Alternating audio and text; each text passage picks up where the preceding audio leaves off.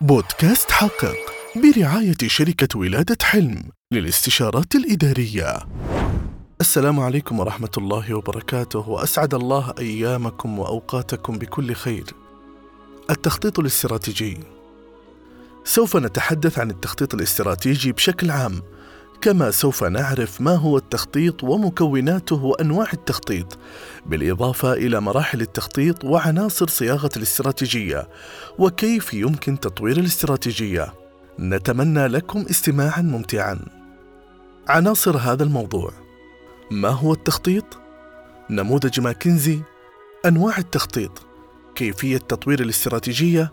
بطاقة الأداء المتوازن؟ الخريطة الاستراتيجية التخطيط الاستراتيجي. ما هو التخطيط؟ في أبسط تعريفات التخطيط يمكن أن نقول بأنه طريقه عملية لتحديد الأهداف بعيدة المدى للمنظمة وكيفية الوصول إليها. فهو الطريق أو الجسر الذي يصل بأهداف الأحلام النظرية إلى أن تصبح نتائج وأرقام واقعية. كيف نصل إلى ما نريده؟ أين نريد الوصول؟ أين نحن الآن؟ قبل الدخول في التخطيط لنتعرف اولا على ما هي المنظمة وما مكوناتها. المنظمة هي شخصية اعتبارية لها كيانها المستقل عن الأفراد المكونين لها وتدار بواسطة مجلس الإدارة. قامت شركة ماكنزي بتطوير واستخدام أداة لتحليل التصميم التنظيمي للمنظمة من خلال النظر إلى سبع مكونات رئيسية للمنظمة وأطلقت عليه اسم نموذج 7S بحيث يعطينا القدرة على الرؤية المتكاملة من منظور علوي شمولي للمنظمة. يعد نموذج ماكنزي أكثر النماذج فعالية لتحليل أداء الشركات ومدى قدرتها على تحقيق الأهداف المنشودة. وتم تطوير هذا النموذج في أوائل الثمانينات على يد الاستشاريين في شركة ماكنزي توم بيتريز وروبرت ووترمان. ويعتمد هذا النموذج على تحليل سبع عناصر أساسية يجب أن تتوافر في أي منظمة ولا يمكن لأي شركة النجاح دون أن تكون جميع هذه العناصر منسجمة معا. ويمكن الاستفادة من تطبيق هذا النموذج في تحسين أداء المنظمة. دراسة التأثيرات المحتملة للتغيرات المستقبلية داخل المنظمة وتحقيق الانسجام بين الأقسام المختلفة وتحديد أفضل الطرق لتنفيذ الاستراتيجيات المقترحة. وينقسم نموذج ماكنزي إلى ثلاثة عناصر ملموسة هي الاستراتيجية والهيكلة والأنظمة. أربعة عناصر غير ملموسة وهي القيم المشتركة والمهارات ونمط الإدارة وفريق العمل. نموذج ماكنزي فيما يلي شرح للعناصر السبعة والأسئلة الخاصة بكل عنصر التي يجب طرحها من أجل تحديد الثغرات التي يمكن تواجدها في كل عنصر وضمان أن كل العناصر تعمل معا بانسجام لتحقيق أهداف المنظمة. الاستراتيجية وضع خطة لبناء ميزة تنافسية تساهم في تفوق المنظمة. ما هي استراتيجية المنظمة؟ كيف تعتزم المنظمة تحقيق أهدافها؟ كيف تتعامل مع الضغوط؟ كيف تتعامل مع المستفيدين؟ كيف يتم وضع استراتيجية تتناسب مع القضايا البيئية؟ طيب الهيكل. هي العلاقات التنظيمية التي توضح مسؤوليات ومهام كل شخص في المنظمة ومن يقدم التقارير. كيف يتم تقسيم هيكل المنظمة؟ ما هو التسلسل الهرمي الوظيفي؟ كيف تنسق الإدارات المختلفة الأنشطة فيما بينها؟ كيف ينسجم أعضاء الفريق بعضهم مع بعض؟ هل صناعة القرار تتم بشكل مركزي أم لا مركزي؟ ما هي طرق التواصل؟ هل هي مباشرة أم غير مباشرة؟ الأنظمة مجموعة الأنشطة والأعمال اليومية التي يشارك الموظفون في تنفيذها من أجل إنجاز مهام العمل. ما الأنظمة الرئيسية التي تدير المنظمة؟ تقييم النظم المالية والموارد البشرية والاتصالات وتخزين الوثائق. ما هي معايير العمل وكيف يمكن تقييمها؟ ما هي العمليات والقواعد الداخلية التي يتبعها الفريق للحفاظ على المسار الصحيح؟ القيم المشتركة هي مجموعة من القيم الأساسية والطموحات التي يشترك فيها أفراد المنظمة وتعبر القيم المشتركة عن الأفكار التي ترغب الإدارة في نشرها بين أعضاء الفريق. ما هي القيم الأساسية؟ ما هي ثقافة المنظمة الفريق؟ ما مدى قوة هذه القيم؟ ما هي القيم الأساسية التي شيدت عليها المنظمة والفريق؟ طيب، نمط الإدارة الطريقة التي تدار بها المنظمة وفلسفتها التنظيمية التي تعكس القيم التي تعمل وفقها إلى أي مدى يتشارك الموظفون في إدارة المنظمة؟ ما مدى فعالية الإدارة؟ هل يميل الموظفون إلى التنافسية أم التعاون؟ هل هناك فرق تعمل داخل المنظمة بشكل حقيقي أم أنها مجرد مجموعات تحمل أسماء مختلفة فقط؟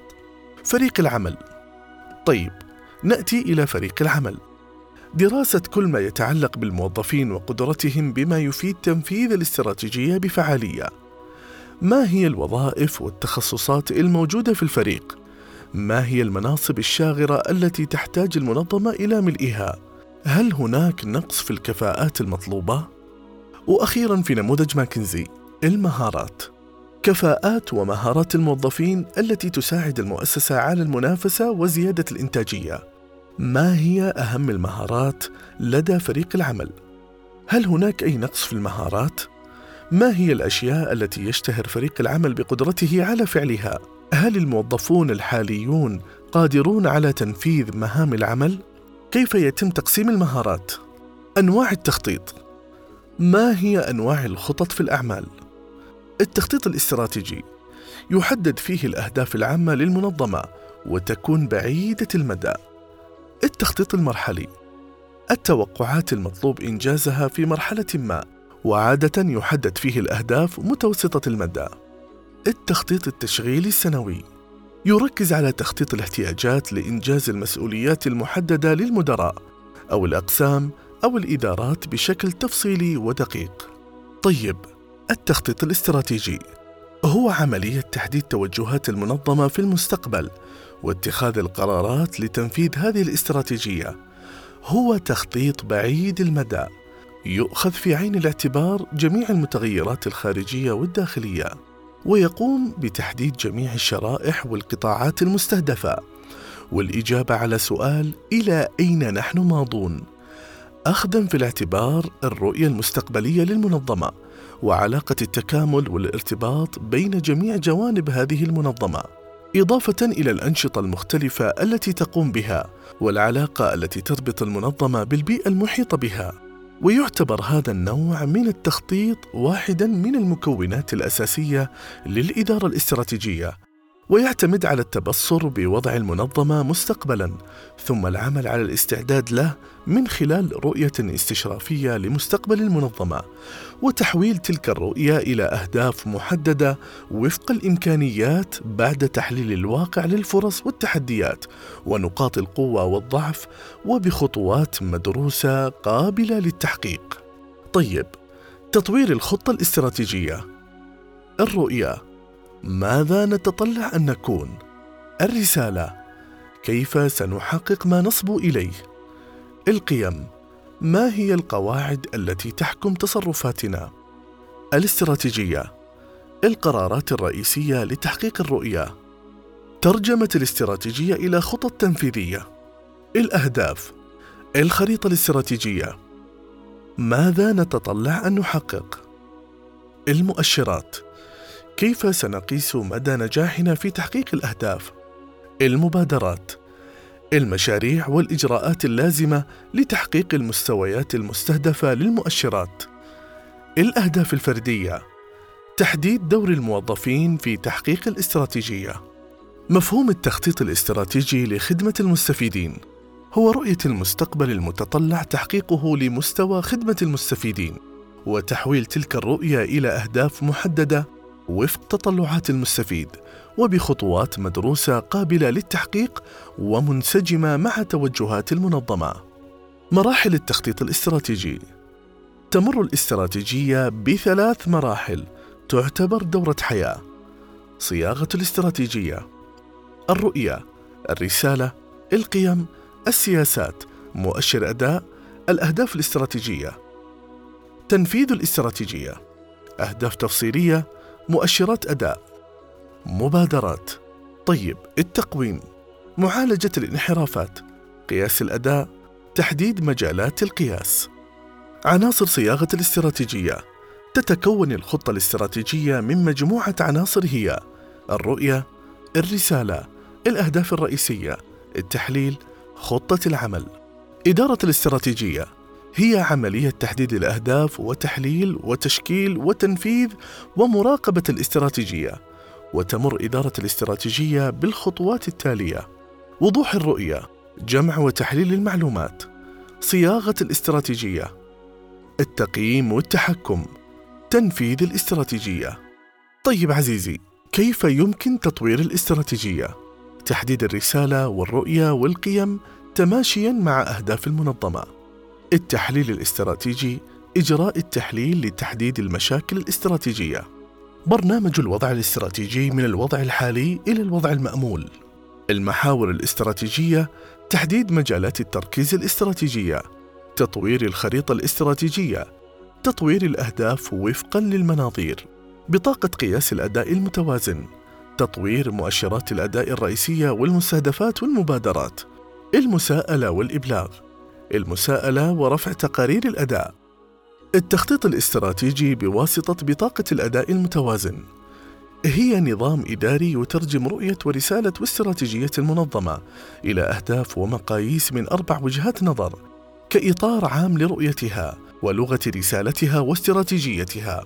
ظهر أسلوب تقييم الأداء بما يعرف باسم بطاقة الأداء المتوازن ويستخدم هذا النظام القياسي لإبلاغ العاملين بالمنظمة بالعوامل المؤثرة في النجاح الحالي والمستقبلي وتعد بطاقة الأداء المتوازن ذات نظرة مستقبلية تعتمد على المعلومات التاريخية والخبرات التشغيلية التي من خلالها تخطط من وإلى المستقبل كما يساعد نظام البطاقة على ربط الأهداف الاستراتيجية بقياسات تساعد بطاقة الأداء على تطبيق الخطط وضبط ومراقبة النمو المؤسسي. قياس أداء المنظمة بعد المستفيدين وأصحاب المصلحة، بعد العمليات الداخلية، بعد التعلم والنمو، البعد المالي. أولويات أبعاد بطاقة الأداء المتوازن في المنظمات. تختلف أولويات المنظمات حسب طبيعة عملها التجاري أو الخدمية، حيث تهتم المنظمات في القطاع الخاص بالربح لذا يغلب التركيز في أهدافها الرئيسية على المنظور المالي. ومن ثم منظور العملاء في القطاعات غير الربحية. يغلب التركيز على منظور العملاء المستفيدين أولاً. قياس أداء المنظمة.